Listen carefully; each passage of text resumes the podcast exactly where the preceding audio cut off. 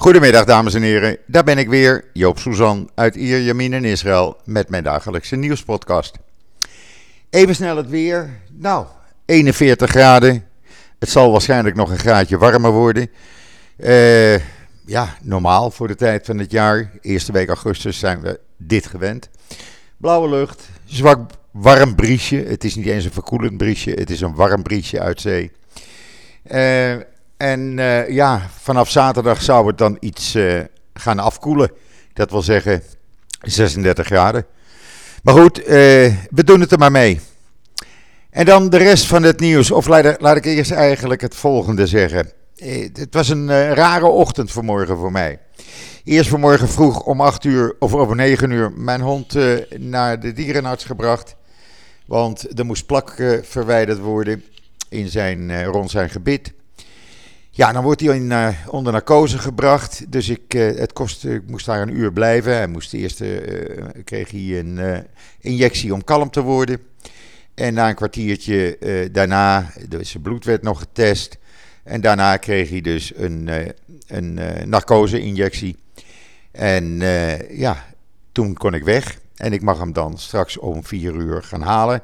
Maar de verpleegster belde al en die zei, hij is alweer wakker.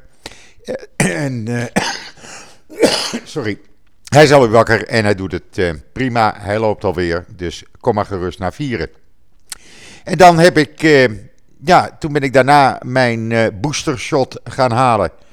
Alhoewel boostershot, ik vroeg aan de hele aardige Arabische verpleegster. Ik zeg, luister, is dat nou een andere injectie? Is een andere samenstelling? Nee hoor, zegt ze. Het is gewoon dezelfde samenstelling, dezelfde vaccinatie. En het is bedoeld om uh, ja, zeg maar de boel weer een beetje wakker te schudden. Zodat je uh, de komende tijd weer beschermd bent. Nou, uh, ik heb mijn verantwoording genomen, zoals ik het noem. Ik ben beschermd. wil niet zeggen dat ik het niet zou kunnen krijgen, het COVID-19-virus. Maar je wordt er dan niet ernstig ziek van. En ja, dat is natuurlijk al heel wat. En daarnaast bescherm ik natuurlijk anderen. Maar goed, uh, juist om die bescherming. Uh, ja, er zijn natuurlijk allerlei uh, nieuwe spelregels gisteren afgekondigd. ik had het al gemeld op israelnieuws.nl. Nederland is een van de landen. Als je daarvan terugkomt, dan moet je verplicht zeven dagen in quarantaine. En dat controleren ze op een elektronische manier. En ze doen steeksproefsgewijs dat ze bij mensen in quarantaine langskomen. Maar eigenlijk hebben ze nu gezegd: uh, we maken het makkelijker. Iedereen die uit oranje landen terugkomt, die moet uh, de komende tijd in, uh, als je terugkomt, moet je zeven dagen in quarantaine. Nou, bijna heel de wereld is oranje. Uh, dus wat dat betreft zal daar uh, ja, weinig verschil in zitten. Het enige probleem is dat het geldt uh, ja, ook voor mensen die bijvoorbeeld nu in Nederland of Turkije zitten of ergens anders op vakantie zijn, Amerika. Ja, als je dan terugkomt, dan, ja, dan moet je dus verplicht in quarantaine. En daarnaast zijn er andere spelregels afgekondigd. Die gaan dan komende zondag in en een aantal wat later. Uh, ik zal ze even noemen, alhoewel u kunt het op israelnieuws.nl uh, helemaal uitvoerig lezen. Uh,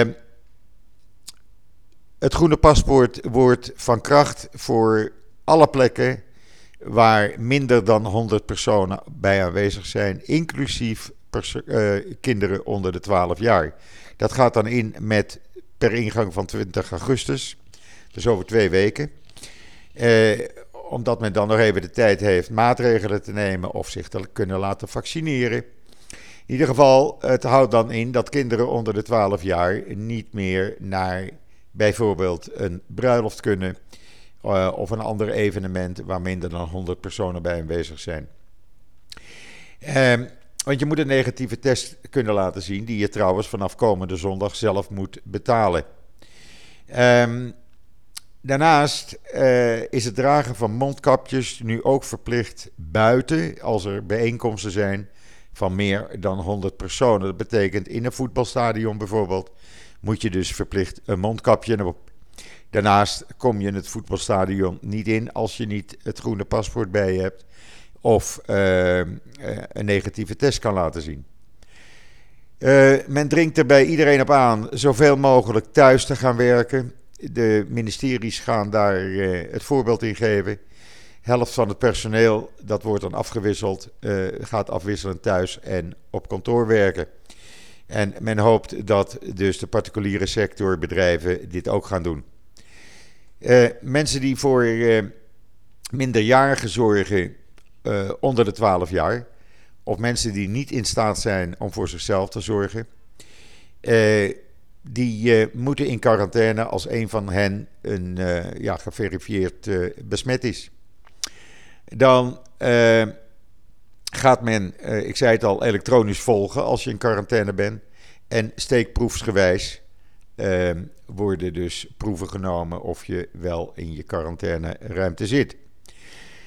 Um, ik zei het al, de lijst met uh, oranje landen wordt uitgebreid tot eigenlijk de meeste landen van de wereld. Iedereen die dus terugkomt uit het buitenland moet ervan uitgaan dat hij of zij zeven dagen verplicht in quarantaine moet. Dan blijft er een kleine lijst over met groene landen. En dan moet je in quarantaine totdat de negatieve testresultaten bekend zijn. En daarnaast wordt er dringend opgeroepen om geen handen meer te schudden, geen omhelzingen meer te doen en niet meer te kussen. Uh, en niet essentiële bijeenkomsten in gesloten ruimtes te vermijden.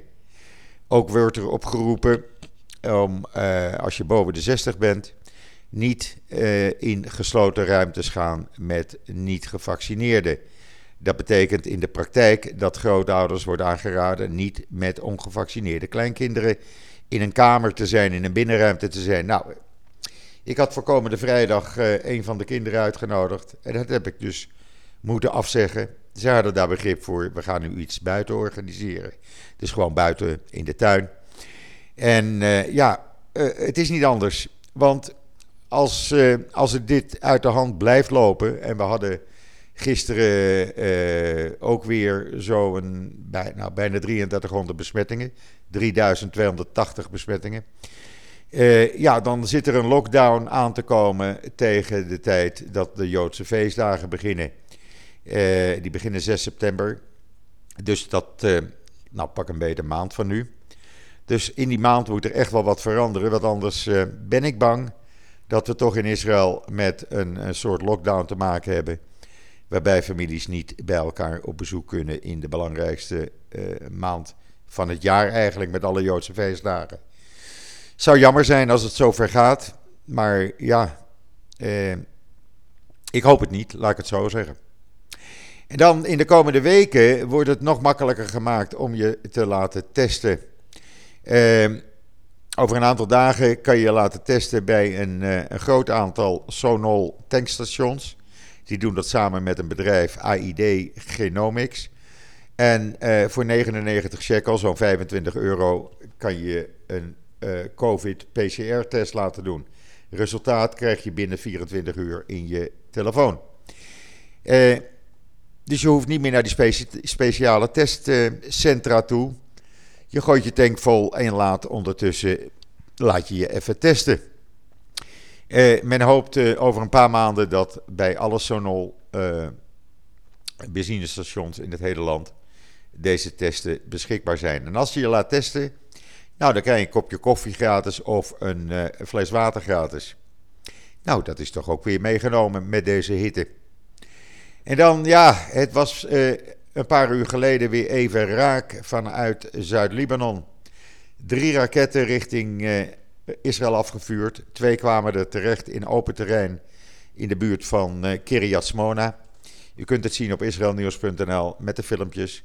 Er is een natuurbrand ontstaan die ik denk dat hij nu geblust is inmiddels. En ja, er was wat paniek. Er zijn een aantal mensen voor paniek behandeld. En de IDF is op dit moment nog steeds bezig met het beschieten van Zuid-Libanon. Uh, laten we hopen dat dit niet uit de hand gaat lopen. Want ja, daar hebben we natuurlijk helemaal niks aan. Als, als we daar ook een oorlog gaan krijgen. Dus ja, hopen dat dat niet gaat escaleren. Want we hebben natuurlijk gisteren met die schepen meegemaakt. Die overgenomen werden door ja, aan de Republikeinse garde gelieerde elementen, zoals men zei. Nou, dan zeg ik gewoon: het zijn Iraanse soldaten. Even een slokje water. Eén schip werd er gekaapt. Die werd overgenomen en die moesten dus richting Iran varen. En vanmorgen zijn die kapers, tussen aanhalingstekens, het schip hebben ze verlaten. Vijf andere schepen deelden mee dat ze ja, niet meer bestuurd konden worden. Wat dat nu precies inhield, of de besturing was overgenomen of dat er iets anders aan de hand was, dat is niet helemaal duidelijk. Uh, ja, eh, ik denk dat ze. Je zou kunnen denken aan twee dingen. Of de besturing werd elektronisch in de war gestuurd. Of er waren inderdaad, laten we zeggen, Iraniërs op die schepen aanwezig. Of ze konden zich door in de buurt varende Iraanse marineschepen niet, niet bewegen. het is niet helemaal duidelijk, maar Israël neemt dit heel serieus. Dat kan ik u wel zeggen. Uh, want ja, men, men zegt: luister, Iran flikt het weer. En we kunnen niet Iran hun gang laten gaan, natuurlijk. Dus ja, wat daar precies aan de hand is, ik weet het niet. Maar het is geen zuivere koffie, laat ik dat maar zeggen. Het, het, het ziet er een beetje raar uit allemaal. Maar goed, ik heb dat al vaker gezegd. Never a dull moment hier in deze regio. Dus ook uh, vandaag weer uh, genoeg stof om over te praten.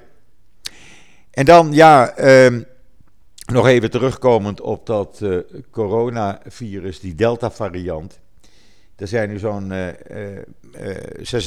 26.000 mensen bijna besmet hier in het land. De meeste hebben dus gelukkig lichte klachten. Uh, het zijn er om precies te zijn, sorry, ik zat iets te hoog, 24.076.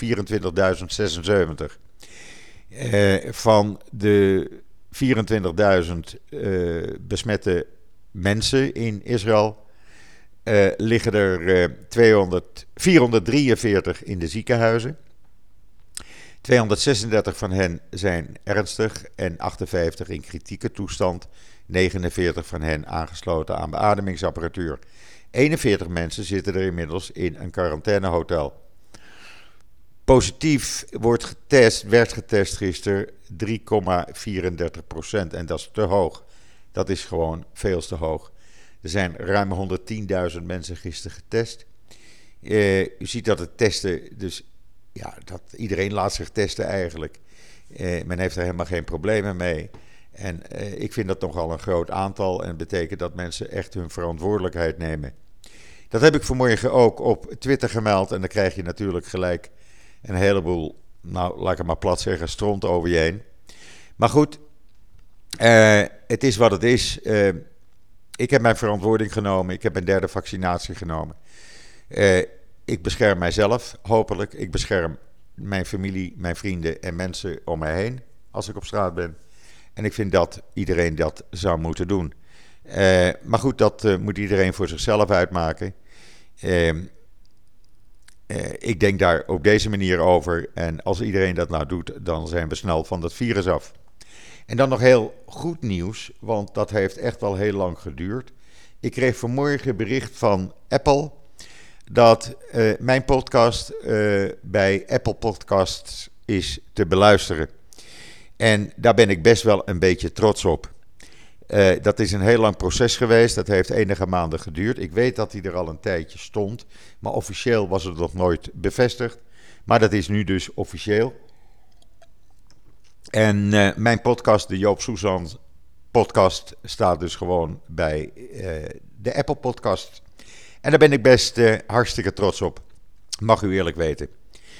Uh, hij staat ook bij uh, Google Podcast trouwens. Kunt u hem ook lezen, luisteren.